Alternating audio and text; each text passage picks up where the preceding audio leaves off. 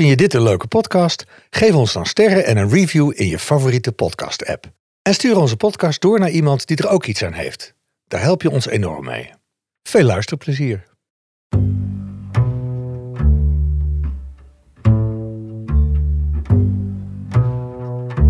Dit is de 100 Vrouwen van Marcel met Marnix van Wijk, Pablo Cabenda en Marcel Musters.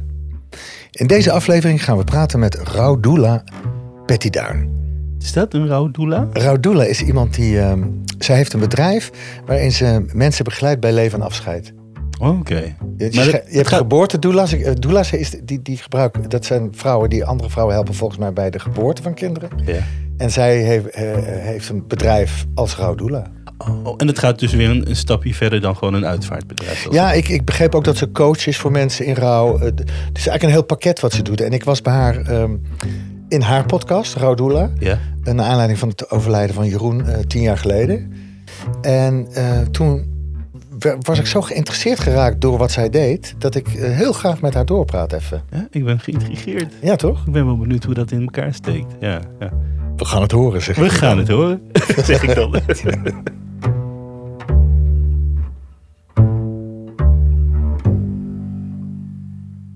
Ik vind het heel leuk dat je er bent.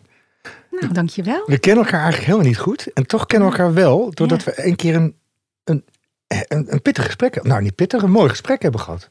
Ja, in mijn ogen een doodgewoon gesprek, maar daardoor heel bijzonder en heel mooi, hè? Een doodgewoon gesprek, want jij maakt podcast. Ja. Eh, doodgewoon gesprek. Ja. Vertel eens. Eh, nou, die podcasten, zoals je weet, want je bent er te gast geweest, eh, gaan die over ehm, het leven, vooral over het leven. Ehm, met daarin ook natuurlijk de onderwerpen die, waar zo'n taboe op heerst. Eh, namelijk verlies, dood, eh, de ongemakkelijke dingen in ons eh, leven. eh, waar wij eigenlijk in de westerse wereld helemaal niet naar willen kijken. Maar ja, die er wel gewoon zijn. Dus ehm, een doodgewoon gesprek over alles waar, ja, wat het leven behelst. En hoe ben je, hoe, hoe ben je daartoe gekomen? Want je hebt volgens mij een hele lange reis gemaakt. Ehm, ja. Ik las Nou ja. dat, je, dat je ooit in de verzekering hebt gezeten. Ja. Nou, nu gaan we wel een hele lange reis terug, inderdaad. Ja, maar ik vind het wel heel-. Maar ik vind het wel heel erg leuk om te, Ja. om te kijken waar dan dat kan- kantelpunt is geweest. Ja. Nou, een echt kantelpunt, ehm, want je stelt een heleboel vragen Ja, tegelijkertijd. Hè? Dus Sorry. inderdaad, wij kennen elkaar niet en we kennen elkaar wel. Zo voelt dat ook. Maar dat, dat is ook omdat ik heel erg met energie werk. En dus blijkbaar er- resoneren wij ergens op een energie ehm, eh, die dezelfde taal is. Dus dat vind ik een interessant om later zo direct nog eens op terug te komen. Ja. Ehm, als je het hebt over mijn reis in het leven. Nou ja, ik ben eh, dit jaar 50 geworden. Dus ik mag al even op deze aarde meereizen. Jonkie. Eh, eh, ja, jonkie, hè? Ja, als ik hier om me heen kijk, daar, dan zit ik een beetje ertussen. Ah, maar dat is nog veel jonger. Precies, ja. Maar... Wij zijn de oudjes. Oh. Nou, in ieder geval, ik, ik mag ertoe doen. Hè. Het, het- bij, de, bij de drogist krijg ik tegenwoordig al van... moet u geen antorimpel groefjes en zo. Dus dan doe je ertoe. Ehm, maar het kantelpunt waarom ik de richting op ben gegaan... eh, om echt het, het leven en alles daaromheen... Hè, dus ook de dood en, en verlies in, in de breedste zin van het eh, vorm ja, te omarmen... Ehm, niet echt een vast kantelpunt, maar ik ben in mijn jonge leven eh, was de dood eigenlijk een heel gewoon onderwerp in ons gezin. Of in mijn leven, laat ik het bij mezelf houden. Ehm, ik was twaalf toen overleed de moeder van mijn beste vriendinnetje op school. En het was eigenlijk heel normaal dat ik daarbij was en bij het afscheid was zonder mijn ouders. Nu als 50-jarige en werkend in dit terrein denk ik, hoezo? Wat deed ik daar in godsnaam? Ehm, maar ja, blijkbaar deed ik dat. Nou, en zo overleden er in die, die periodes opa's, oma's, eh, vriendinnen dichtbij. Ehm, en toen ik 18 was, mijn vader. Nou, dus al met al eh, veel dood en verlies eh, om mij heen. Terwijl ik eigenlijk, als ik terugkijk, toch zeg van ik heb een onbezongen, onbezonnen jeugd gehad. Mhm. Eh, dus zo normaal was het onderwerp eigenlijk Maar voor waarom mij. was het dan zo, zo normaal? Omdat er zoveel gebeurde? Nou, Of hoe je ermee omging? Of hoe ze met jou omgingen? Nou, nee, het, het, was, het, het was er gewoon. Dus dat maakte dat, dat het onderwerp verlies of dood voor mij een heel normaal onderwerp was. zeg Jij ging maar. het niet uit de weg. Je vond het niet eng. Nee, ik vond het helemaal niet eng. En ik vond het dus ook, het, het was ook niet een gedachte of het eng zou zijn, want het was, het was er gewoon. Mhm. En, ehm, en dat, dat onbezonnen was, ja, ik had een, eh, lieve ouders, eh, een, een, een slagersdochter ben ik, dus we hadden het goed thuis. Eh, als je het hebt over welvaart, zeg Mhm. maar, daar ontbrak ons niets. Ik kon goed sporten. Ik zat in jonge, in jonge ranje van de softbal. Ik mocht ja. in het Haarlems team van de handbal. Dus ik moest op een gegeven moment kiezen, wat ga je doen? Nou ja, dan, dus, dus eigenlijk was er niets wat mij ontbrak hè, in die jonge jaren. Terwijl wel die dood eigenlijk ook altijd was. Ja. Ehm, en pas later in het leven, eh, nou, er gebeurde nog veel meer eh, omtrent verlies, om het maar zeggen. Eh, een, een, een prachtige kinderen gekregen, getrouwd, uiteindelijk ook gescheiden, is ook een vorm van verlies. Ehm, nou, en zo in het leven gebeurde er van alles. En ik merkte dat alles wat je overkomt, dat, je, ja, dat ik daar op een bepaalde manier mee ging dealen en mee ging omgaan. En dat mijn omgeving ja, daar ook soms iets van vond. Hè, dus wat voor, voor mij zo vanuit mijn intrinsiek zo gewoon leek. Mhm. En waar ik trouw aan wilde zijn, was voor mijn omgeving. Als je kijkt naar het keurslijf of hoe het hoort. Of, dus daar moest ik altijd mee in gesprek. Ehm, nou, dus eigenlijk, hoe kom je hiertoe? Is, is veel persoonlijke groei, is veel zoeken naar je eigen weg en naar je eigen plek in deze wereld.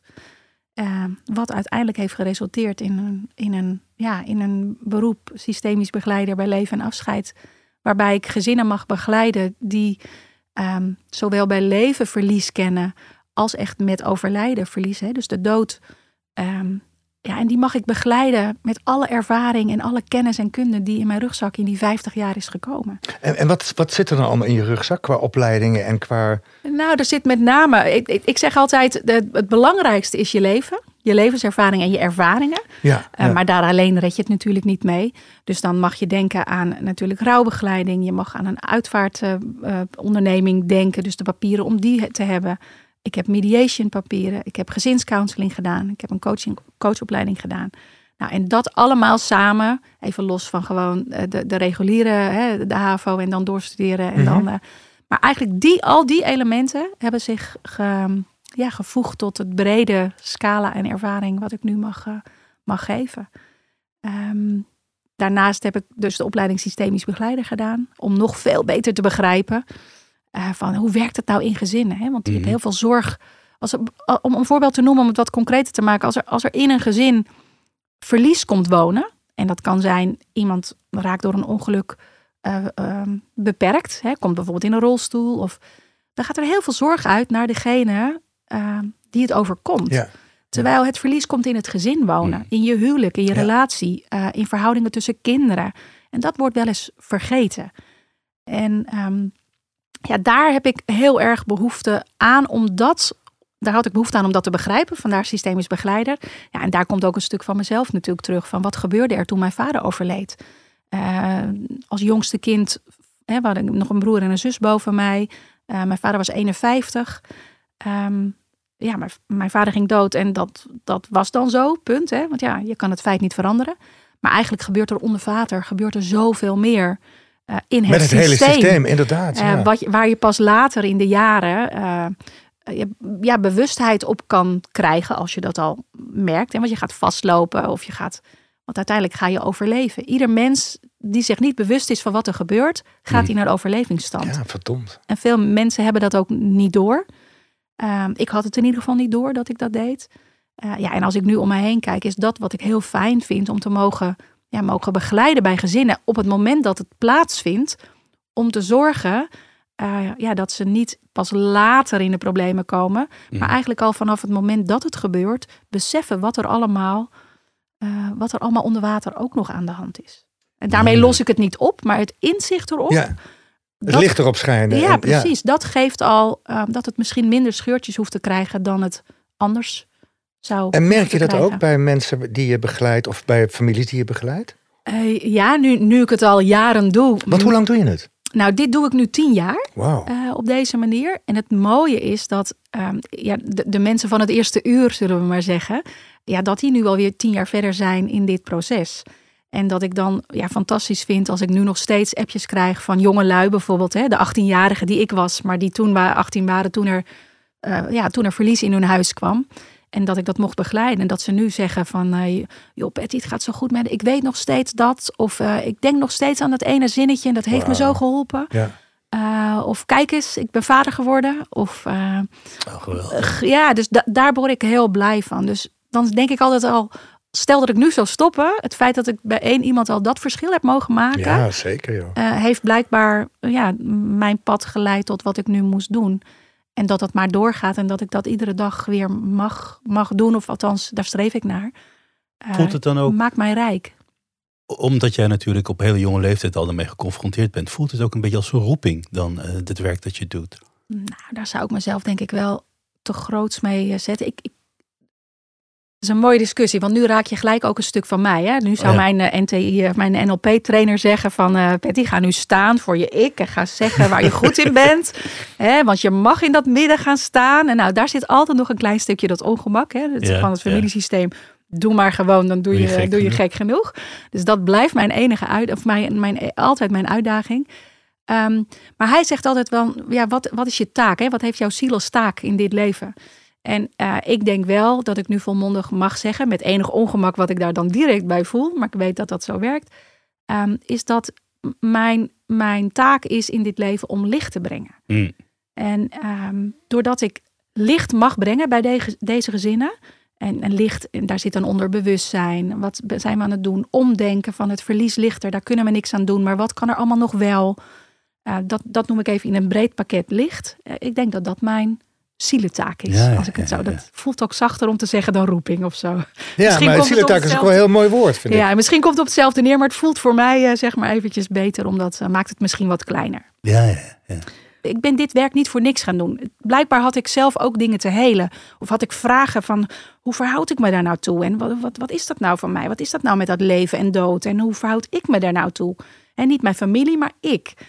En dus het jezelf helen ehm, zorgt, denk ik, automatisch dat je dichter bij jezelf komt. Ja. Waardoor je misschien vanzelfsprekend wel dat licht kan zijn voor anderen. Mhm. Ja. Dus wij mensen willen altijd maar weten van ja, maar wie ben ik dan? Hè? Mhm. Of wat, want op het moment dat je dan dat zou weten, dan is het weer een feit. En wij mensen vinden het feit fijn om te weten waar we aan toe zijn. Dus feiten geeft houvast.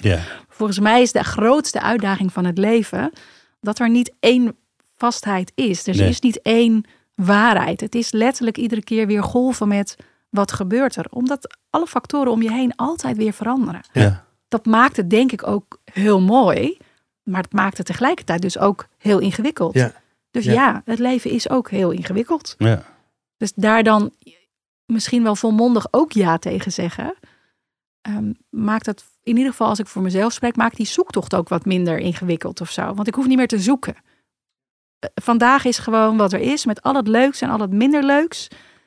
En, eh, En dat lukt je ook echt, om de Ja, dag dat- te nemen zoals die is. ja, dat lukt mij echt heel goed, durf ik te stellen. Maar dat wil niet zeggen dat het altijd makkelijk is. Nee. Want in mijn leven ook uitdagingen zat. Zowel in mijn werk als in privé. Ja.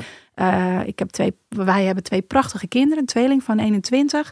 Ja, met hun gebeurt ook van alles. Je daartoe verhouden eh, is ook weer iedere keer anders. Als je denkt van nou, nu vliegen ze uit. Dan gebeurt er weer iets. En daar Ja. moet je je ook weer toe verhouden. Dus het leven vraagt iedere dag andere uitdagingen. En ja, mijn insteek is wel, en dat, dat probeer ik, dat is het streven, om daar gewoon naar te kijken van oké, dat zijn de ingrediënten. En hoe ga ik me ertoe verhouden? Mhm. Ja, en dat is soms wel heel uitdagend, want ik, natuurlijk word ik daar ook wel eens boos of zagrijnig over. Nou, alhoewel zagrijnig ben ik eigenlijk, nou, durf het wel te stellen, nooit. Wauw. Je hebt er gewoon echt heel erg vrede mee dat alles constant in beweging is. eh, Inclusief Ja, jezelf. dat is mooi samengevat. Ja. Ja. Ja. Ja, en, en vrede mee met alle weerstand die het soms ook oproept. Maar daar heb ik ook vrede mee, want dat is gewoon wat het is. Het leven is letterlijk alles inclusief durven nemen. Voor mij. En roept het ook veel weerstand op bij anderen dan? Ehm, ja, soms wel. Soms wel.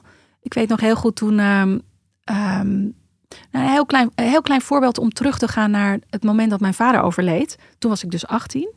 Ehm, nou, hij overleed eh, plotseling.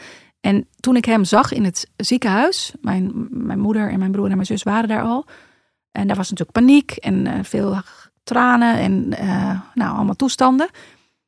En, en ik kwam daar binnen en ik was eigenlijk heel rustig. En ik dacht, ja, ik zie het lichaam van mijn vader, maar dat is niet mijn vader. Maar ik zie wel dat het mijn vader is. Ja. Ehm, en dan jouw vraag, Pablo, van vind, vinden mensen daar wat van? Men dacht echt, eh, dat gaat niet goed met haar. Want zij uit zich niet, ze is in shock. Ze eh, ze, ze, ze doet niks, ze doet het anders dan anderen, dan de norm. En ja, ik dacht alleen maar, ja, maar ik heb nu eh, geen paniek. Mijn verdriet en mijn gevoel van verlies kwam veel, veel meer op een later moment. Hè, toen ik eh, mijn verkering uitging en toen ik mijn rijbewijs ging halen. Hmm. Uh-huh. En toen eh, ik eh, zwanger werd. En toen ik ging trouwen. Ja. Weet je, wat, dat waren voor mij de momenten van mijn verdriet, waardoor ik mijn tranen kreeg. En, maar de norm van hoe het hoort, Ja. daar heb ik dus altijd wel mijn eigen koers in gevaren. Als jong meisje was ik me daar natuurlijk niet zo bewust van. Hè? Naarmate je ouder wordt, heb ik dat, ben ik daar veel bewuster in gaan staan. Maar het feit dat je ehm, ja, de, de omgeving plakt er zo'n etiket op zoals het hoort. Ja. En ehm, ik bevraag dat. Van joh, hè, vertel eens waarom. Ja, zo, zo doen we dat. Ja, maar waarom doen we dat dan zo? Ja, en dat gesprek, dat. Dus dat is wel wat de omgeving doet. Het keurslijf, hoe het hoort. Ja. Zo rouwen wij. Zo eh, doen wij dat. Zo hoor je huisje, boompje, beestje te doen. Eh, zo hoor je te scheiden. Eh, nou, weet je dat. Nou, daar heb ik altijd wel mijn vraagtekens bij. Waar ik in het verleden dus, daar zat weerstand op. Want ik ging natuurlijk daar een soort van tegen rebelleren. Want dat, dat vond ik natuurlijk helemaal niet. Nee. Ik vind het wel interessant dat je zegt dat toen je vader overleed, dat je van jezelf al een soort van rust voelde. En ik dacht eigenlijk in eerste instantie dat die ervaring met je vader je misschien eigenlijk voorbereidt op al die andere ervaringen van verlies en zo. Maar het is dus blijkbaar zo dat jij op hele jonge leeftijd al een soort van innerlijke rust ervoer. Ja, dat klopt. Alleen was ik me daar toen natuurlijk Niet- helemaal niet bewust bewust, van. Ja. En omdat de buitenwereld, hè, een, een dochter uit een ondernemersgezin, eh, eh, iemand die ja, goed kon sporten, maar dat was dus eigenlijk ook allemaal maar zo. Ehm, daar was ik me dus nooit zo bewust van. En ik had ook nooit echt vaste vriendinnen of zo. Ik, had, ik was altijd ehm, een eenling binnen ieder groepje, maar ik was eigenlijk bevriend met iedereen. En ik, maar nooit echte vaste vriendschappen of Ja, zo. Of ik hoorde eigenlijk nooit bij een groepje. Dat wilde ik eigenlijk ook helemaal niet. Want ik vond eigenlijk iedereen wel Hmm. leuk of, of niet leuk. Of, ehm, dus ja, dat, als ik nu terugkijk, denk ik, ja, daar, ik denk dat ik veel authentieker was in die zin bij mezelf. Veel meer oké in rust met mezelf dan dat ik toen begreep. Want ik voelde me toen eigenlijk heel onzeker. Ja, Heel onzeker meisje. En, heel, en ik kon goed sporten. En daarmee was ik dan iemand. Mhm. Maar eigenlijk was ik heel onzeker. Was ik alleen maar bezig met, jezus, als ik die hel met softbal ontmoet, dan zit mijn haar in de war. En dan vinden mensen me niet leuk. Of, eh, en als ik dat nu wel eens vertel aan mensen, nou, dat, dan denken ze, jij, jij. maar ik was echt heel onzeker. Maar dat geldt natuurlijk bijna voor elk jong mens. Omdat je zo... Ja, misschien Dat, wel. dat die, en je wordt heel erg door de buitenwereld ook onzeker gemaakt. Als je anders doet. Ja. ja, dat klopt. Ehm, in ieder geval werkte het zo voor mij. Ik kan niet voor andere mensen spreken, maar in ieder geval werkte dat wel voor mij zo. Dus dat, dat is boeiend. En naarmate jij dus ouder wordt en ik veel, ja, door alle ervaringen steeds meer durfde eh, mijn koers te varen. Met de, met de keuzes die, die ik maakte, maar ook daardoor de reactie van anderen. Maar daarvan dacht, ja, maar dit is wel. Ik vind het heel moeilijk, ik vind het heel spannend, maar dit is voor mij wel de enige weg die klopt. Mhm. Ehm, ja, en, en daarop du- durven vertrouwen, ja, dat vraagt soms wel een beetje lef en veel weerstand van anderen. En, en dat is niet de makkelijkste weg, je eigen koers varen. Ooit zei, zei mijn eh, ex-partner, eh, ik noem eigenlijk nooit ex-partner, want het is echt mijn soulmate, zal ik maar zeggen. maar, ja. maar om even voor de, Ja. voor de luisteraar het helder te hebben, die zei tegen mij, Pet, het, het kost ook veel meer moeite om tegen de stroom in te zwemmen dan, dan mee te, mee te gaan. En wij zwemmen tegen de stroom in. Want wij deden het anders. Ja. Ehm, ja, dat. Op een bepaalde manier, dat komt ook wel vaak terug in de podcast, is ook een, misschien een bewust of onbewust een heel boeddhistische opvatting. Hè? Je moet je maar gewoon met de golven mee laten gaan, zoals je het zelf ervaart. En dat is misschien het beste dan gewoon willens en wetens, maar gewoon al die energie stoppen in het bevechten van van alles. Ja, Mhm. word je heel boe van. Ja, En jij zegt, ik, ik ben heel erg op energie. Ja. Dus je voelt energie ook van mensen. Of wat, wat is Ja. dat dan precies? Want ik, Nou, kijk, als ik. ehm, ik ik heb in de, in de jaren steeds meer durven vertrouwen op dat als ik het ervaar, als ik iets binnenkrijg, ja, zeg maar hoe, ik, ik klink nu heel spiritueel, wat ik eigenlijk helemaal niet ben. Ik ben hartstikke aards. Ja, maar dat kan maar wel ik durf gaan, wel, weet ik nu. ik, heb wel een heel sterk ontwikkeld intuïtiegevoel. Mhm. en dat, dat kan je trainen. ehm, eh, door het ook aandacht te geven. Hè, dus als jong meisje, ja, had ik het waarschijnlijk al. En daarom vond ik grote gezelschappen ook misschien wel heel ingewikkeld. Ehm, ik denk dat de kinderen die nu opgroeien, noem je nieuwe tijdskinderen. En toen was het gewoon een ingewikkeld kind of een Ingewikkeld stil kind. kind. hè? Zo'n Ja, beetje. Ehm, dus, dus ik nam gewoon meer waar dan ik me bewust was. En naarmate ik ouder ben, ben ik dat onbewuste ook bewuster gaan worden. Dus als ik ergens kom, ik kom een kamer binnen bij een familie. Ja, ik kan eigenlijk de kamer lezen. Mhm. En als ik zeg, dat kan ik lezen, dat klinkt bijna, hè, dan komt dat de jongen denken, oh, daar ga ik weer. Met, met, maar dat is wel wat er gebeurt. Ja. En ehm, in het begin vond ik dat heel ingewikkeld, want dan zei iemand iets en dacht ik, hè, maar dat, dat, dat heb je toch al gezegd? Of dat weet ik toch al? Dat had je al opgepikt. Blijkbaar had ik dat opgepikt, maar nu weet ik hoe het werkt. Nu zit er bewustzijn op bij mezelf. En dat wil niet zeggen dat ik dan altijd maar de waarheid weet of het antwoord heb. Maar wel met die energieën kan je dus heel veel. Want als ik bij gezinnen kom, ehm, waar bijvoorbeeld taboe heel erg ligt op onderwerpen. En dat ik denk, ja, maar jongens, we hebben het op, eh, op deze hoofdlijn eh, hebben we het ergens over, maar het gaat ergens anders over Mhm. dan kan je het heel mooi inzetten. Dan kan je het op tafel gooien van, joh, maar stel eens dat dit de situatie is. Hoe zou dat dan voor jullie zijn? Nou, en dan gaat de deur open. En dan komt er een prachtig gesprek. Hè? Ik noem het altijd het ronde tafelgesprek, bij wijze van spreken. Ehm, dus dan kan ik het heel mooi inzetten. Dus die energieën die je oppikt, daarvoor kan je kiezen nu om het in te zetten.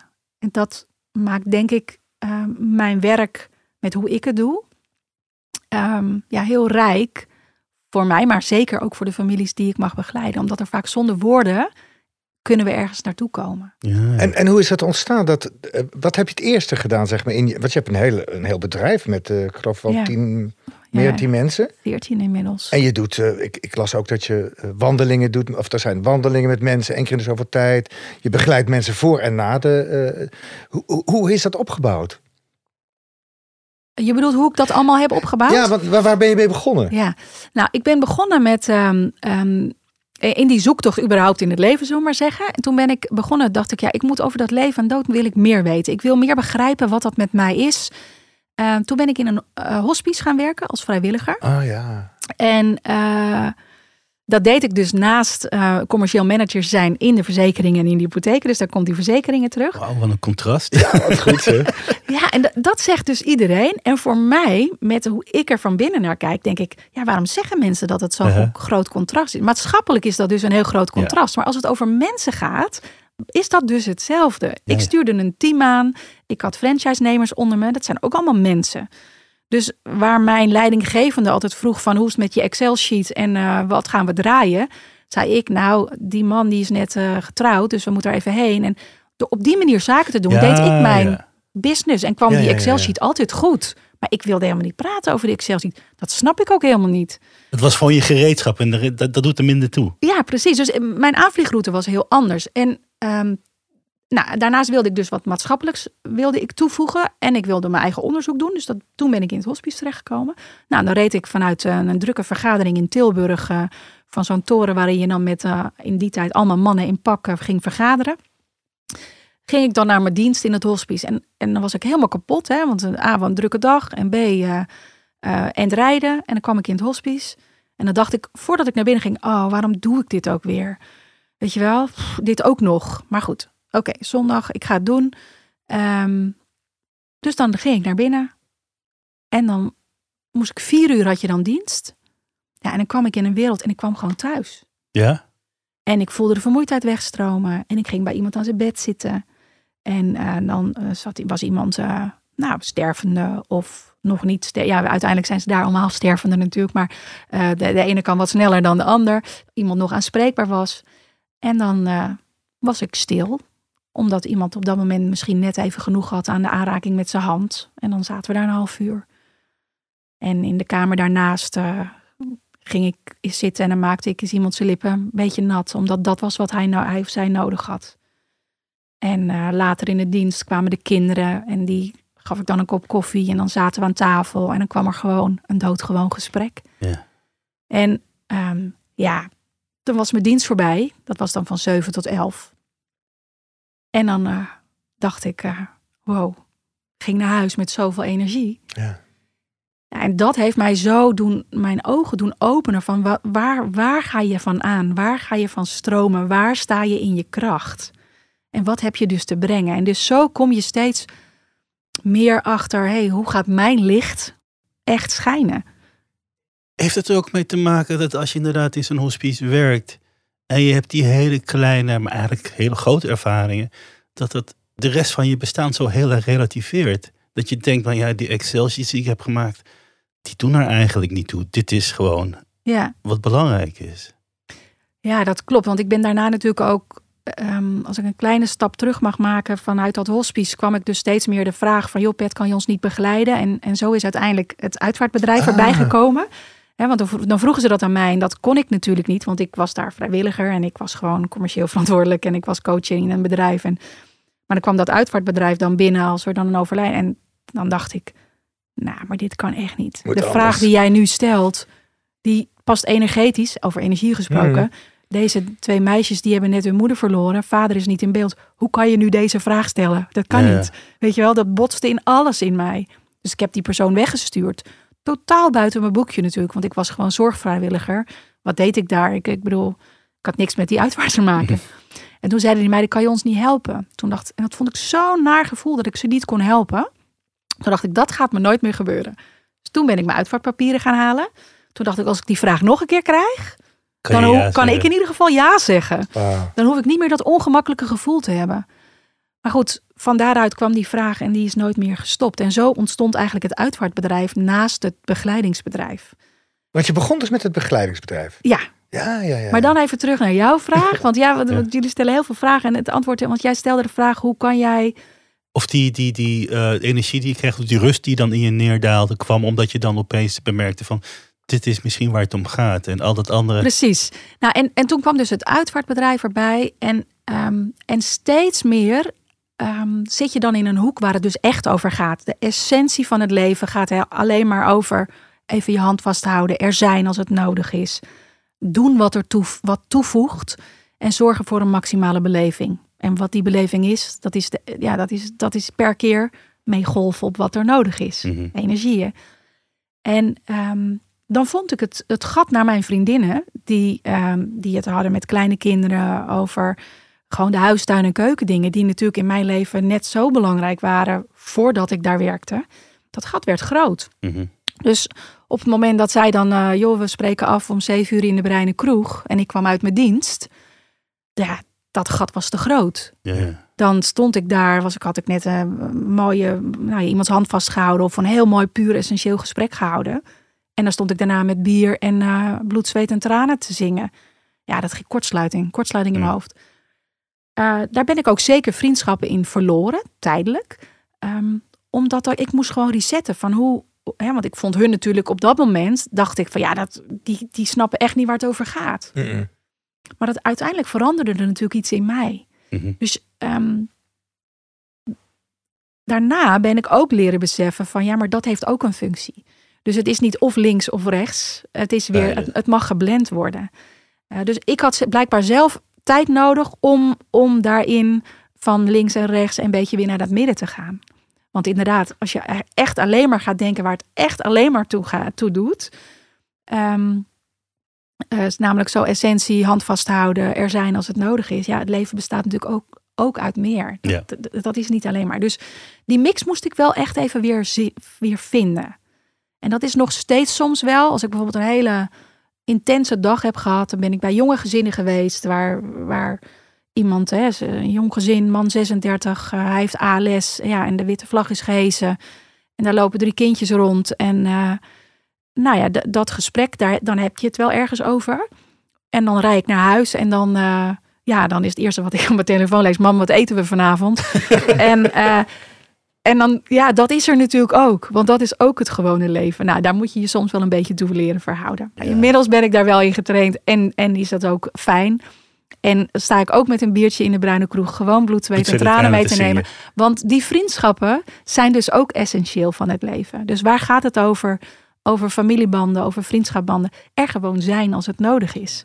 Ehm, Nou, het lijkt me zo moeilijk, omdat het, zo intens is met mensen, denk ik, zo'n Ja. zo'n proces, dat het in je lijf gaat zitten. Dat zou, daar zou ik bang voor zijn.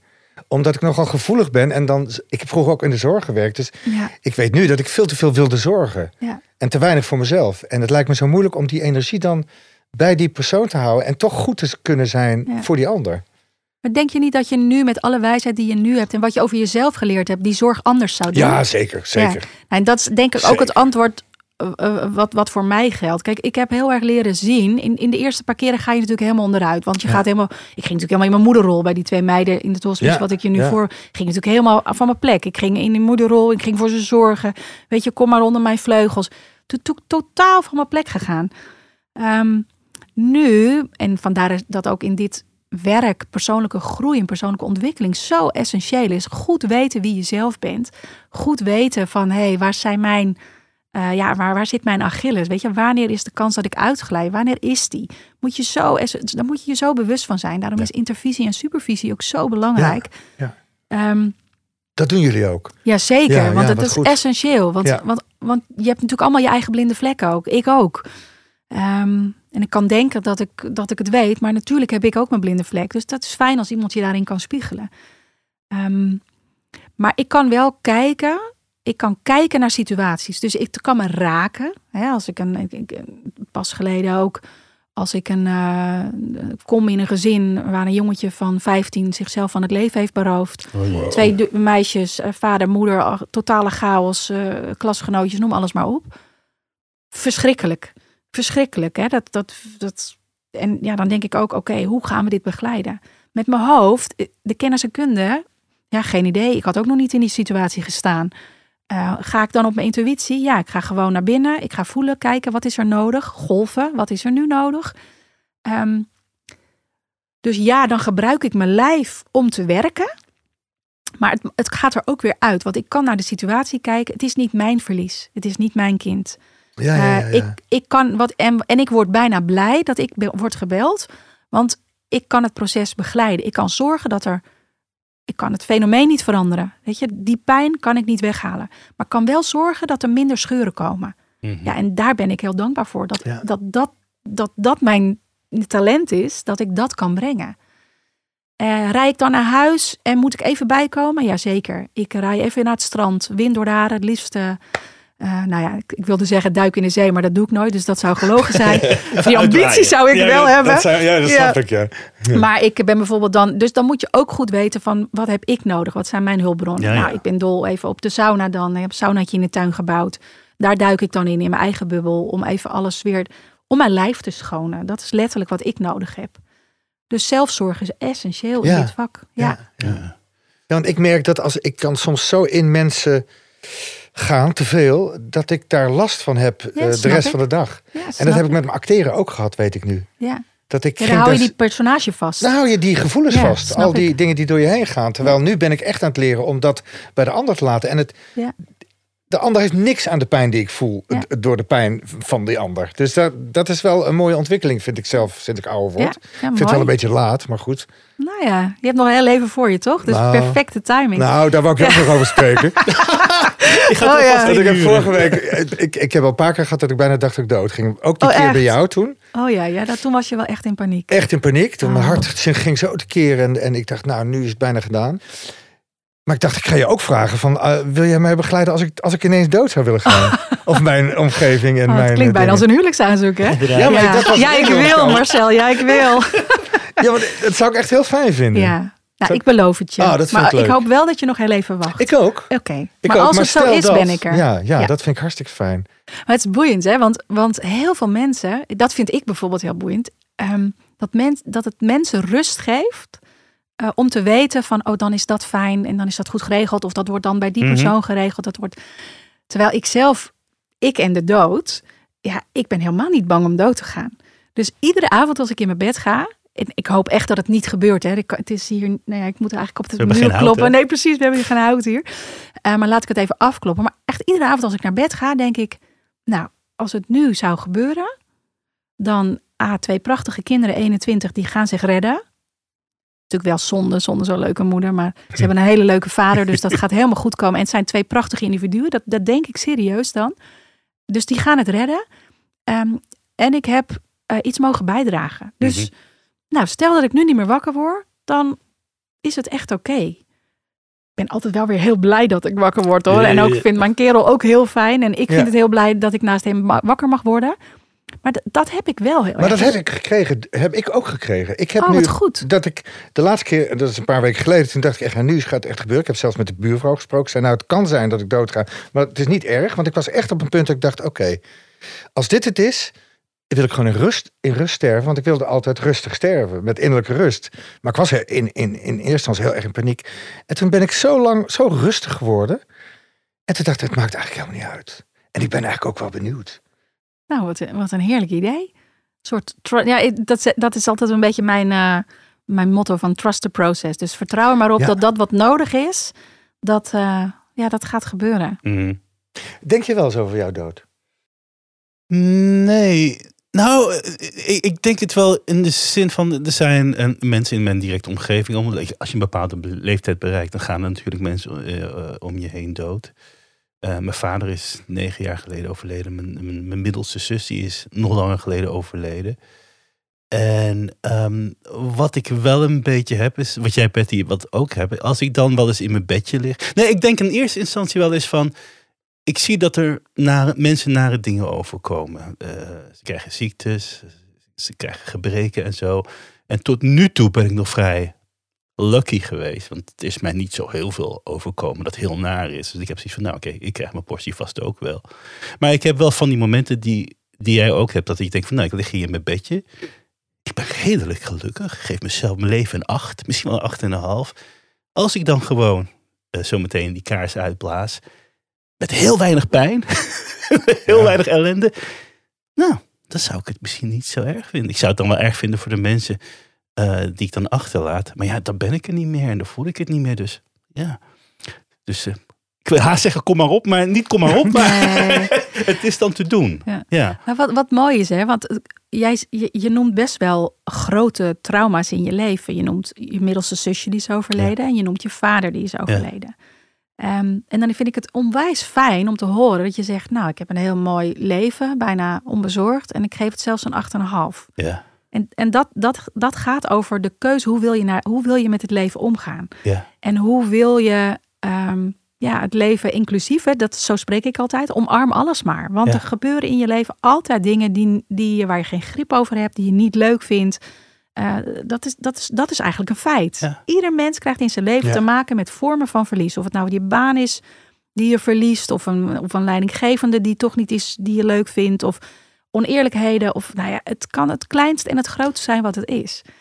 Dus in één, in één zin Ja. noem jij enorme trauma's eh, op een eigenlijk een toon die je brengt naar iets van ik heb een heel mooi leven. Ja, Hm. het is een soort van eh, tegenstelling daarin. Hè? Ja, maar dat is dus mooi. Dat, Ja, dat is dus een keuze hoe je naar het leven, hoe je wil omgaan met het leven. En dan is de vraag, is dat echt zo? Hè? Daar kunnen we een ander gesprek Mhm. over voor. Maar zo, het klinkt in ieder geval als dat is een keuze om er op die manier mee om te gaan. Nou, ik begrijp je helemaal. En eh, ik, ik, ik zal je vertellen hoe, dat, hoe erg het ook is. En het is echt vreselijk erg als je als ouder je, je kind verliest. Ja, Zoals ja, mijn ouders dat hebben meegemaakt.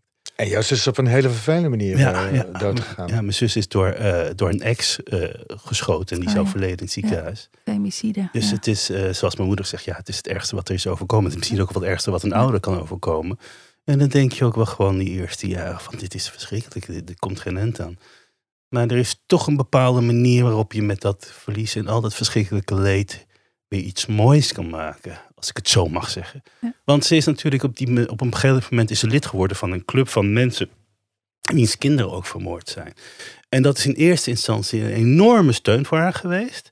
Want dat zijn de, dat zijn de enige mensen die enigszins kunnen begrijpen Ja. wat ze heeft doorgemaakt. Snap ik. niet. Ja. Mijn zus ook niet. Nee. Hoogstens mijn vader. En dan kom je in een, een, een, een, in een club, in een gezelschap waar mensen je veel beter begrijpen. En daar heb jij steun aan. En op een gegeven moment ontwikkel je je verder. en dan geef ja. jij die steun aan anderen. Ja. En dat heeft zij nou wel. Ja. En dat vind ik dan ontzettend fijn voor haar. Maar dit is mooi, hè? want het gaat ook over, als je het hebt over. ehm, ik, ik geloof niet in een proces van rouwen, hè? want dat, dan Mhm. zou je zeggen van je gaat van A naar B, van B naar Uh-huh. C en van C naar D. Nou, zo werkt rouw niet. Rouw heb je gewoon levenslang. Ja? Jouw ouders, maar ook jij, want je hebt het Uh-huh. mooi over je ouders. Maar hè, op jouw laag gebeuren er natuurlijk weer andere dingen. Ehm, dan is het heel boeiend om te zien dat eigenlijk omschrijf jij precies nu de taken. Want Ja. een eerste taak is altijd van ja, de werkelijkheid zien. Hè? Jeetje, mijn zus is, Ja. eh, dit is het feit wat er gebeurd is. En het tweede is dat je je gaat voelen van wat doet dat eigenlijk met mij, Mhm. dit feit? En wat verandert er dan voor mij? Of, eh, en, en wat houdt dat dan in? En het derde is dat je dat echt letterlijk gaat doorleven. Mhm. Hè? Dus je gaat je verhouden tot die nieuwe situatie. En wat wordt dan mijn plek richting ouders? Of hoe doe ik dat? Of, ehm, en het vierde is zingeving. Ja. En wat jij, het voorbeeld wat jij geeft aan je moeder is Ja. letterlijk dit proces. Ja. En dat gaat natuurlijk van A naar D en van D weer terug naar B. En hè, op momenten dat er misschien eh, jij de leeftijd kreeg van je, van je zus. Of eh, nou, allemaal van die momenten die dan weer opnieuw dat, dat cirkeltje aanzetten. Ja, ja, ja, ja. ja, ja. Maar dat is eh, mooi om te horen dat je ouders op die manier Ja. hun weg hebben. Ja, zeker. En ik vond het ook heel vinden. fijn. Het is een aantal jaar geleden dat ze dat zei. Ze zei het ook haast letterlijk weer van... Ja, ik voel nou dat ik zelf ook iets voor die andere mensen kan betekenen. Precies, zingeving. En Ja. zingeving maakt vaak dat mensen verder kunnen. Ja. Je had het net ook over zo'n heel mooi... eh, nou, het is geen mooi voor- voorbeeld, een heel schrijnend voorbeeld. Weet je, dan kom je bij een gezin. Ja, En daarvan heeft de 15-jarige zoon zelfmoord gepleegd. Ja. Nou, ik vraag me dan af, wat kan je dan überhaupt nog doen? ja, Als, als buitenstaande die naar binnen komt met al je goede bedoelingen. ja. Heel veel. Ja, Heel veel. Ja, want je moet je voorstellen. Nou, om, om het beeld helder, ik kom daar aanrijden en daar zie ik echt wel 25 fietsen voor dat, eh, voor dat huis staan. Natuurlijk allemaal vriendjes, vriendinnetjes. Je moet je voorstellen, iemand van die leeftijd zit op hockey, zit op voetbal, zit, eh, doet, zit op school. Enorme sociale Mhm. eh, buurt, vriendjes. En wat er gebeurt, als je het nou hebt over energie, en er is zo'n enorme chaos, want dat is wat er op dat moment daar plaatsvindt. Ja. Ehm, en de een heeft verdriet en de ander heeft verdriet. En dan, nou ja, dat, dat, dat, dus dat gaat maar door. Dat zet elkaar allemaal aan. Dus wat je enorm kan brengen, is rust in de chaos. ja, ja. Eh, is zorgen dat je een anker bent voor, in dit geval het gezin, maar ook voor de vriendjes en ook voor de buren. En dus dat je een soort handvatten kan aanreiken wat mensen kunnen doen. Want iedereen gaat als een kip zonder kop rennen daar. En iedereen wil helpen. En want eh, wat gewoon heel boeiend is, is dat eigenlijk iedereen ook eh, naar zichzelf kijkt. Nou, ik moet iets doen. Mhm. Ik wil helpen. Mhm. Ik wil helpen. Want als ik help, dan voel ik me goed. Even heel zwart-wit is dat wat er gebeurt. Ja. En daar moet je mensen eigenlijk bijna uit ontslaan. Dus je brengt rust. Rust in die enorme chaos. En ja, dat is echt een heel groot goed als dat lukt. Hè? Want ik kwam daar binnen, daar waren, ik denk dat er wel veertig mensen in die, in die woonkamer waren. Ik dacht echt, wie zijn de ouders? Wie, wie, wie zijn eigenlijk de direct betrokkenen? Maar hoe breng je dan rust? Dus sla je dan op de tafel, jongens? eh, Nee, nee, nee, nee. Dus nou ja, dan- dan kom je weer met je intuïtie. Hè? Ja. Dus dan kom ik eerst binnen. Dus A, weten ze natuurlijk dat ik kom. Hè? Dus dat, eh, En dit is dan net na de persoon is overleden of dat later, veel later? nou, ja, de- de- in dit geval belde de moeder mij. Dan krijg ik de melding binnen. En die zegt dan van nou, hè, dit en dit is aan de hand. En dan, ehm, ja, dan even schrik ik natuurlijk. Want dat is natuurlijk gewoon een belletje wat je niet wil horen. Maar ja, ik zit in die hoek waarin mensen mij op die manier bellen. En dan eh, spreek ik natuurlijk mijn deelneming uit. Ik blijf vooral spreken over, het, over de drie kinderen. Hè? Want dat is ook heel belangrijk. Ja, want ja. mensen houden drie kinderen. Ja. Nou, ik zie jou heel erg instemmend knikken. Dat zal je herkennen. Ja, ik moet opeens heel erg denken aan, aan toen mijn oudste zus ging trouwen. Ja. En dat was dus allemaal heel klein gehouden ceremonie eh, met een Amerikaan. Ehm, ze is nou in Amerika en, en eh, wij waren daarbij, het petit comité.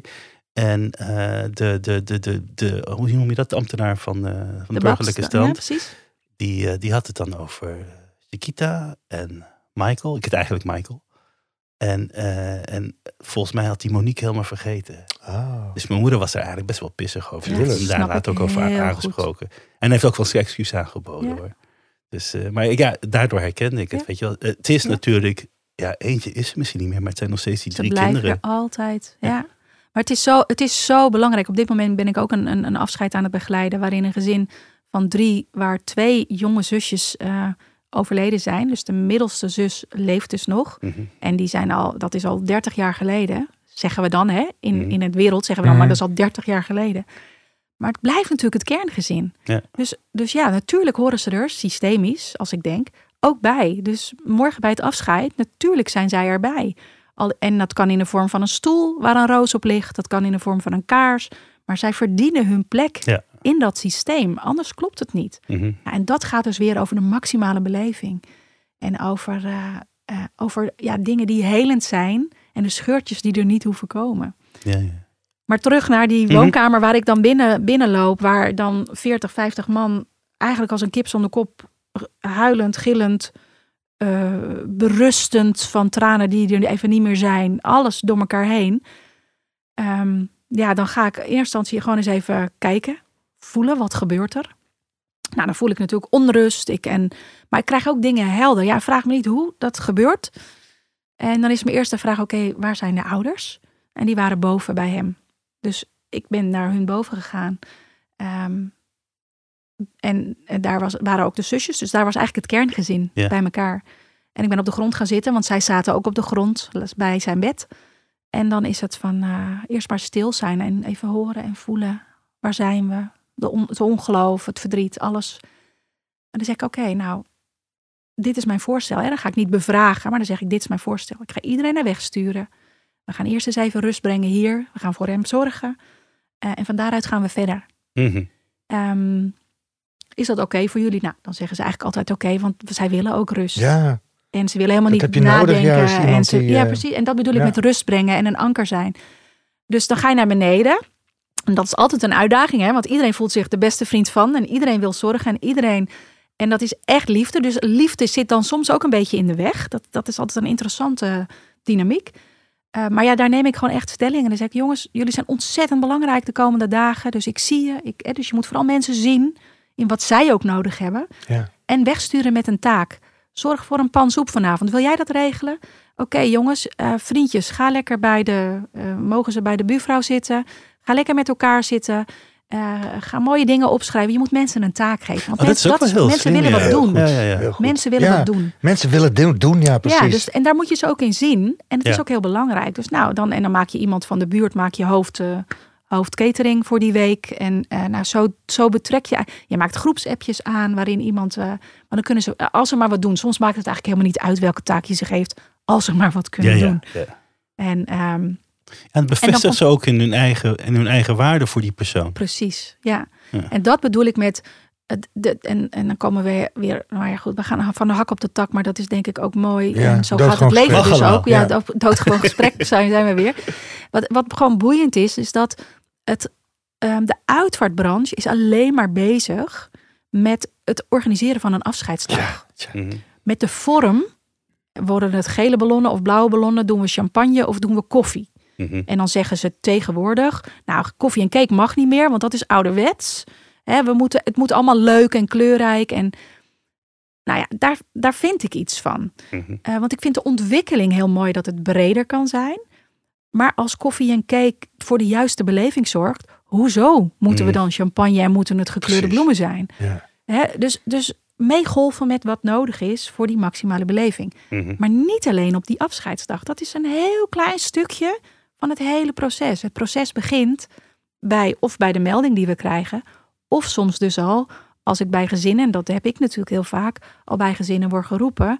eh, want ja, die mensen zijn weggefietst bij het ziekenhuis, hebben het hoor gekregen dat ze ziek zijn. Mhm. Ehm, en dat de ziekte in hun huis komt wonen en dat die of niet meer weggaat, of dat ze zich daartoe moeten gaan verhouden. Ehm, hoe gaan we dat doen?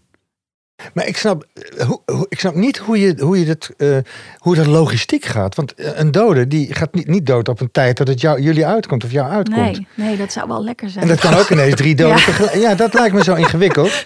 Ja, Want je hebt ook de verjaardag van je man of van je kinderen of van je, Ja. weet je wat. Hoe doe je dat dan? Ja. ja. Want je moet dus altijd stand-by zijn. Ja, toen ik begon, eh, was dit echt een tsunami die over mij heen kwam. Oh jee. Toen was dit echt van, ja, ik, ik opeens ging, blijkbaar was, had ik iets aangeraakt aan behoefte, wat, enorm, wat er enorm was. Hè, zo mooi, eh, zoals de marketing altijd leert, van de latente behoefte aanraken. Nou, ik wist niet van die term, maar dat is wat er wel gebeurde. Dus er kwam een, een tsunami aan werk op me af. Ja, ga dan maar eens nee zeggen als iemand je belt en mijn vader is overleden of mijn kind is overleden. Of dacht ik, oh ja, maar ik moet er zijn. Ik moet redden, hè? wat jij net zei. Ik moet redden, want dat kan ik. En zorgen voor een ander. Maar ja, ik ging natuurlijk heel erg compenseren eigenlijk. Want ik ging heel erg ook mezelf helen. Eh, en ik ging mezelf volledig voorbij lopen. Dus gelukkig ehm, heb ik toen meer mensen kwamen om me heen. eh, een mooi team georganiseerd. En vandaar dat we nu met z'n veertienen zijn, waardoor je het kan verdelen. Dus ja, mensen gaan dood, ook midden in de nacht. Ja, Ja. gaat onze telefoon twee uur? Ja, moeten we er dan uit? Ja, dan gaan we naar families toe. Juist gaan we naar families En hoe toe. vaak is dat om een beeld te krijgen? Nou, ik denk gemiddeld drie keer in de week, vier keer in de week. Meen je dat? Dat er s'nachts wel een melding binnenkomt. Ja, maar goed, dat verdeel je met als team. Want dan heb je ook een- echt iemand die dat helemaal Ja, planningen maakt en zo. Ja, dat is wauw. Ja. Ja, dus dat ontwikkelt zich dan ook organisch, dat dat een bedrijf wordt. En, en, en eh, nou ja, ook daar krijg je dan weer andere uitdagingen. Van hoe ga je dan, die balans, hoe houd je je DNA, hoe bewaak Ja. je dat wat ik zo na, belangrijk vind, namelijk dat proces begeleiden. Hoe ga je dat bewaken? Ja, dan je Geef je dan ook les aan eh, jouw werknemers? Ja, want ik, ik heb wel, ik hamer echt op, eh, op hele belangrijke, ja, op een DNA, zeg ik altijd. Ja. Eh, omdat je het maar één keer kan doen. Ja. En, en het is zo essentieel. En daar ga ik soms misschien wel, zeker in het verleden ging ik daar misschien wel te extreem in hoor. Want ik vond dat heel lastig om los te laten. Want enorm. Want ja, ik, ik wist wat we mensen konden bieden. En als dan iemand die gewoon naar eer en geweten de werk deed, maar ja, het anders deed als dat ik het deed, maar wel voor mij werkte. Ja, dat vond ik in het begin wel ingewikkeld. Ja. Eh, dus ja, uitdagingen. Mhm. En inmiddels staat er een prachtig team die echt heel goed weet hoe het werkt. Eh, maar waarbij ik natuurlijk andere talenten heb dan, maar iemand anders weer andere talenten. Hè, ik heb iemand in dienst die prachtig is met mensen met dementie. Hmm. Eh, ja, dus daar leer ik weer van. Dus ik heb echt een mooi team met allemaal verschillende kleuren. Ik praat Ja, graag in ja. kleuren. Hè? En zijn dat allemaal vrouwen? Nou ja, tot nu toe wel. Maar En waarom is dat? ja, zeg het maar. Ik zou zo graag willen dat er. Dat ik zou het dat wel willen, maar het is te zwaar nu. Ik Ja. zou het heel interessant vinden. Ja. Nee, ik, ik, ik weet niet waarom het alleen maar vrouwen. Natuurlijk kunnen we heel stereotyp gaan denken dat vrouwen empathischer zijn. zijn. En zo gaat dat dan een beetje vanuit de oorsprong. Maar dan doe ik echt veel mannen tekort, vind Mhm. ik.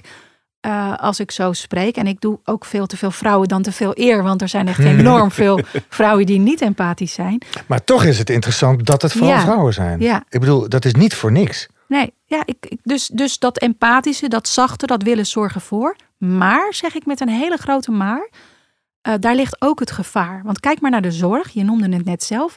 Heel veel mensen in de zorg, dus ook in dit vak, want dat gaat ook over zorgen, eh, gaan ook iets halen in dit vak. Hè, die Ja, gaan eh, ja, halen ja, van, ja. als ik goed ben voor een ander, dan voel ik me fijn. Ja, ja. Ja, ja, Ja, ja. Dus daarna kom ik weer terug bij persoonlijke groei. Het is zo essentieel om te weten van ehm, wat ga ik halen en waarom haal ik het? En heb ik dat, kan ik dat niet intern gaan halen? Mhm. En dus mijn teamleden die krijgen eerder budget voor mij ehm, van mij of van mijn bedrijf om zich ehm, te ontwikkelen als mens. Om thema's die ze hebben, om daar goed naar te gaan kijken met een coach of met wat ze dan fijn vinden. Dan dat ik ze stuur naar eh, ga maar de cursus ritueel begeleider doen. Ja. Ehm, omdat ik ervan overtuigd ben dat als je goed, op, goed geaard bent, goed met je beide benen op de grond, goed weet wie je zelf bent, met, maar ook vooral waar je Achilles zitten, dan, Mhm. ben je, dan kan je excelleren in dit vak. Ja, ja. Ehm, nou ja, dus dat. Dus ik heb een oei ik groei budget voor iedere werknemer per jaar, Wat goed. inclusief mezelf. Eh, want ik zelf moet ook altijd weer, vind ik ook leuk om weer te nieuwsgierig te zijn van welk laagje zit er nou weer en waarom doe ik dat? En Ja. Eh, oh, wacht even. Ik dacht dat ik dat had gehad, maar ik zie nu dat dat stukje overleven komt nu opeens weer in deze vorm naar boven. hey, wacht even. Dus stiekem leer je ook heel veel over jezelf. Vooral. He- heel veel, absoluut. Ja. Ja, absoluut. En dat, maar dat is dus precies de, waarom ik zeg, waarom veel vrouwen? Ik denk dat vrouwen dus in die zin, in deze hoek, eh, ja, eh, kijk, kijk, als ik echt zou geloven, al die appjes die ik krijg van mensen die ik mag begeleiden, eh, dat alles waar is wat zij zeggen, Mhm. nou, dan ben ik echt de aller, aller, allerleukste vrouw van de hele wereld. Ja, misschien Maar ben je dat ben Maar wel. nee, ik weet één ding zeker. Dat ben ik zeker niet. Dus dat gaat ook over wat. Weet je, ik heb het. Wat, wat heel interessant is, ik heb die appjes ook niet nodig om te weten dat ik mijn werk goed doe. In het begin had ik dat zeker. Zoek je bevestiging, wil je het horen? Zit ik goed? Ehm, in, maar in mijn werk heb ik dat niet meer nodig. Dus die mensen appen dat. Maar ze, dan denk ik, oh wat fijn, want je bevestigt jezelf. Ja. Maar ik, heb, ik, hoef het niet, ik vind het fijn om te lezen, maar ik heb het niet meer nodig. Ja. En er bestaat dus een gevaar dat er dus mensen op afkomen die misschien wel een soort van bevestiging zoeken en dus met de verkeerde reden in dat vak stappen. Absoluut. Maar ik denk 80% in, Ja. in de zorg, Van de zorg, ja, oh, wou en in uitvaartbranche helemaal. Ja. Absoluut. Ja. En hier krijgen we vast boven, boze brieven Ja. over. Maar dit is echt wat er gebeurt. En, en die mensen die zich dus nu aangesproken voelen en daar boos over zijn, dat, daar hoop ik dat ze denken: oh, kijk in de spiegel. Waarom resoneer ik daar zo op? Waarom word ik Mm. daar boos over? Eh, daar ligt denk ik de groei. Ja, ja. Dus, eh, maar, maar om me kwetsbaar op te stellen, kijk, op het moment dat ik voor een groep, ehm, ik geef ook trainingen, ik geef training bij het ministerie van Defensie en ik geef ook trainingen bij het NTI NLP, NLP over rouw en verlies. En voor groepen staan, en dan kom ik weer terug op het gesprek waar, hè, over dat, dat in dat centrum staan met die spotlight, vind ik heel ongemakkelijk.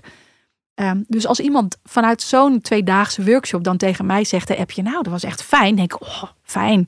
Dus daar ben ik blijkbaar nog niet die Mhm. enorme topprofessional. Want dan vind ik het toch nog wel fijn om te horen dat mensen het fijn vonden. ja, maar dat is toch helemaal niet erg? Nee, maar daar, daar ben Maar ik dus nog het niet nodig hebben. Ja, precies. Ik, Ja. ik ben naar het groeien naar het moment dat ik dat niet meer nodig heb. Ja, en, ik ehm, dus dat, dat is een interessante. Dus op dit stuk van mijn werk heb ik het niet meer nodig. Mhm. Dat weet ik. Ik weet dat ik dat. Daar weet ik van. Ook als mensen boos worden op mij, denk ik, joh, word maar even boos. Want ik snap waarom je boos wordt. Gaat helemaal niet over mij. Maar als ik dan voor zo'n groep sta en ik sta trainen, dan vind ik het toch fijn als iedereen weg. Nou, ik vond het echt zo'n fijne, waardevolle dag. Ik denk, Ja. oh, gelukkig, het is goed gegaan. Ja, ja, ja, ja, ja. Interessant, toch? ja heel Ja, interessant. Dus blijf altijd leren en Ja. altijd nieuwsgierig naar, hey, waarom, waarom voel ik me hier onzeker over? Of waarom, waarom vind ik het nou fijn dat ze dat toch zeggen? hey, nou, daar heb ik nog wat te doen. Oké. Ja, Ja. Ik vind het wel bijzonder dat je je zo, dat je zo eh, openstelt daarvoor. En dat je het aangaat. ja ik vind het alleen Dat- maar leuk. Ja, maar dat is leuk dat je er plezier in hebt. Want ik denk dat heel Ja. veel mensen daar juist bang voor zijn. Ja, Om dat Ja, aan te gaan met denk jezelf. het. Dat is ook eng eh, voor de meeste mensen. vind jij het eng? Nee, nu niet meer. Ja. Maar ik, heb, ik weet wel dat ik mijn acteren eh, heb gebruikt om al in al die enge delen van mezelf te komen in een veilige Ja. situatie. Want als je op toneel staat en je laat van alles zien wat je eigenlijk helemaal niet wil laten zien, of wat je, dan wordt dat een soort van bewonderd ook nog. Van, oh, Ja. je bent een goede acteur. dat was voor mij een laboratorium om te kijken wat er allemaal in dat lijf en Ja, in die, zo, ja, weet je, hè? En nu heb ik dat echt niet meer nodig, want ik voel gewoon dat ik op een andere manier een basis heb gevonden om vanuit te leven. Of mijn eigen basis, denk ik, of zoiets. Ja, hey, en ben je bang voor je eigen dood? Nee, helemaal niet. Want wat denk, hoe denk jij daarover? Ehm, eh, eh, de of er daarna is iets, Nou ja, je dat? Gaat, ja, ja, Of de vorm van mijn afscheid. Wat, bijvoorbeeld waar- allebei. allebei wil je weten. En dan moeten we afsluiten, geloof ik. Hè? Want Marnix heeft al lang Ja, geleden zijn ja, ik kijk gewoon die kant niet op. Ik denk, dan zie ik het niet. ik denk, nee, ehm, mijn eigen dood. Eh, nou ja, ik zei al eerder in dit gesprek, ik ben echt niet bang om dood te gaan. En ik hoop echt. Maar ook dat- niet voor de leidersweg eventueel? nou ja, en dat, dat wilde ik dus nu toevoegen. Ik hoop echt dat op het moment dat ik eh, ziek word of dat, dat ik zo, zo geankerd ook op, in die fase ben zoals Ja. ik dat nu denk dat ik ben. Mhm. Want ja, ik ben daar ook nog nooit geweest. Ik, ik zit heel vaak in iemands sterfbed en dan denk ik, ja, ik denk echt of ik herken, ik denk mezelf of de energie dan te herkennen. Maar ja, of ik in die tijd daar in dat bed liggend zo ben. Nou, vraag het me dan nog een keer. Maar Ja. dan komt Marnix gewoon langs voor dat gesprek. Want dan ben ik 90 plus. Ehm, maar eh, ik denk oprecht dat ik daar, ehm, ja, dat ik daar dan regie dan ook in zou nemen. Dus de Leidensweg, ik, ik ehm, hoop niet dat ik die hoef te hebben. Mhm. En ik, ik hoop dat ik dat zo op die manier dan kan regisseren. Dus dat is één. En en een plotseling dood, of als ik nu dood zou gaan, nou, dan ben ik heel dankbaar voor alles wat er is geweest. Ik heb niet een bucketlist of zo, dat zou ik Mhm. allemaal nog willen doen. Ehm, maar ik hoop vooral dat ik morgenochtend wel gewoon wakker word. Laat Ja. dat helder zijn. Dus nee, niet bang. Ehm, ik geloof niet in een god of in alles wat hierna is. Ik geloof wel in zielen. Dus ik geloof dan nog wel dat ik weer een, nog een zielenleven te doen heb. Dus dat je Dus dan ga ik in ja, een ander leven misschien een andere taak vervullen. Hè? En dit is het licht brengen. En misschien nog in een ander leven weer iets anders doen. Dat hoop ik ook, anders dan zou ik het zo jammer vinden. Dus daar wil ik ook gewoon in geloven. Ehm, Want ervaar je dat ook? Want je ziet natuurlijk ook veel... Nee, je ziet niet zoveel stervende mensen waarschijnlijk. ik zie heel veel stervende mensen. Oh, ze zijn niet... Nee, ze, je bent er ook vaak voor, ja. ja. Mhm. Nee, maar, ja, Ja. dat is waar. Hoe is dat dan? Want Ja. dan kan je de dood bijna bestuderen. Of het proces van de dood. Ja. Ja, ja, daar zie je dus de ene heel erg in weerstand nog zitten. En de andere al in omarming zitten. En, ehm, en daarvan zeg ik dus, ik hoop dat ik, en ik denk ook dat ik dat zou hebben, dat ik het gewoon kan omarmen. Dat Ja. ik denk van, ja, weet je, dit is nu Hm. het nu. Ja. En eh, dat denk ik oprecht. Ik hoop het ook heel erg. Ehm, dus dat, dus die strijd waar jij vroeger bang voor was, zeg maar, die, die, daar ben ik absoluut niet bang voor. Ehm, en mijn vorm van mijn afscheid, ja, dat is interessant. Voor mij hoeft dat allemaal niet zo. Dus alles wat ik aan het organiseren ben voor alles en iedereen, Hoeft voor jou niet. hoeft voor mij niet. Laat mij lekker in, ik wil wel begraven worden. Ik zou graag in een bosgraf willen. Gewoon lekker met zand erop en hertjes die er later Mm. over rennen. Ehm, en ik zou ook heel graag even thuis, dus als ik overlijd, dan zou ik heel graag in een mooie doek, in een mooie wade, even thuis, gewoon puur voor de intimie die dat fijn vinden om dan nog even bij mij te zijn. En dan zou ik eigenlijk op dag drie of vier gewoon door mijn intimie, nou, als, er, als al tot 30 komen, hè, dus mijn gezin misschien met wat close friends, nou dan zal met 30 ben ik al heel rijk, denk ik, als dat mijn intimie is. Die mogen mij lekker gewoon naar die begraafplaats brengen en dan begraven. En dan daar doen wat ze even willen. Hoeven echt niet in een aula. En dan daarna mogen ze gewoon lekker naar huis. Of als zij het fijn vinden om dan ergens nog bij een strandtent andere mensen uit te nodigen om te delen, dan moeten ze dat vooral doen. Maar voor mij mag dit echt zo klein en lief en een beetje onder de radar het liefst. Dus dat, eh, ja. Die wens ik jou toe. Die Ja, Nou, heel mooi. Dankjewel. ik kijk er naar eh, uit, maar ik wacht ja. er nog wel even Nou, ik, ik weet niet of ik het mee zal maken, maar eh, Ja. eh, als het zo is, dan ga ik heel erg lachen als het helemaal zo gebeurt zoals jij wil. Ja, ik hoop het. Nou, dankjewel. Dankjewel voor jullie mooie gesprek. Ja, bedankt. Ja, Ja. ik ook. Dankjewel. Eh, te gek. Nou, wat heerlijk. Lief. Wat een mooi gesprek, hè? Ja, jij praat. Nou, wij, wij Nee, heel mooi. Ik vond ook, nee, sorry, ja, dat is... Ja. nee, maar echt. Dit was de 100 vrouwen van Marcel met Betty Duin. Wil je reageren? Doe dat dan via Facebook of Instagram. In de volgende aflevering praten we met hand- en polsspecialisten Nettie Koekenbakker en Marjolein Wind, die me hebben geholpen toen ik een jaar geleden mijn pols op vijf plaatsen brak. Tot dan. Vond je dit een leuke podcast? Geef ons dan sterren en een review in je favoriete podcast-app. Op die manier vinden nieuwe luisteraars ons. En stuur onze podcast door naar iemand die er ook iets aan heeft. Daar help je ons enorm mee. Wil je adverteren in onze podcast? Stuur dan een mailtje naar adverteren@streamtree.nl. Dankjewel voor het luisteren en tot de volgende keer.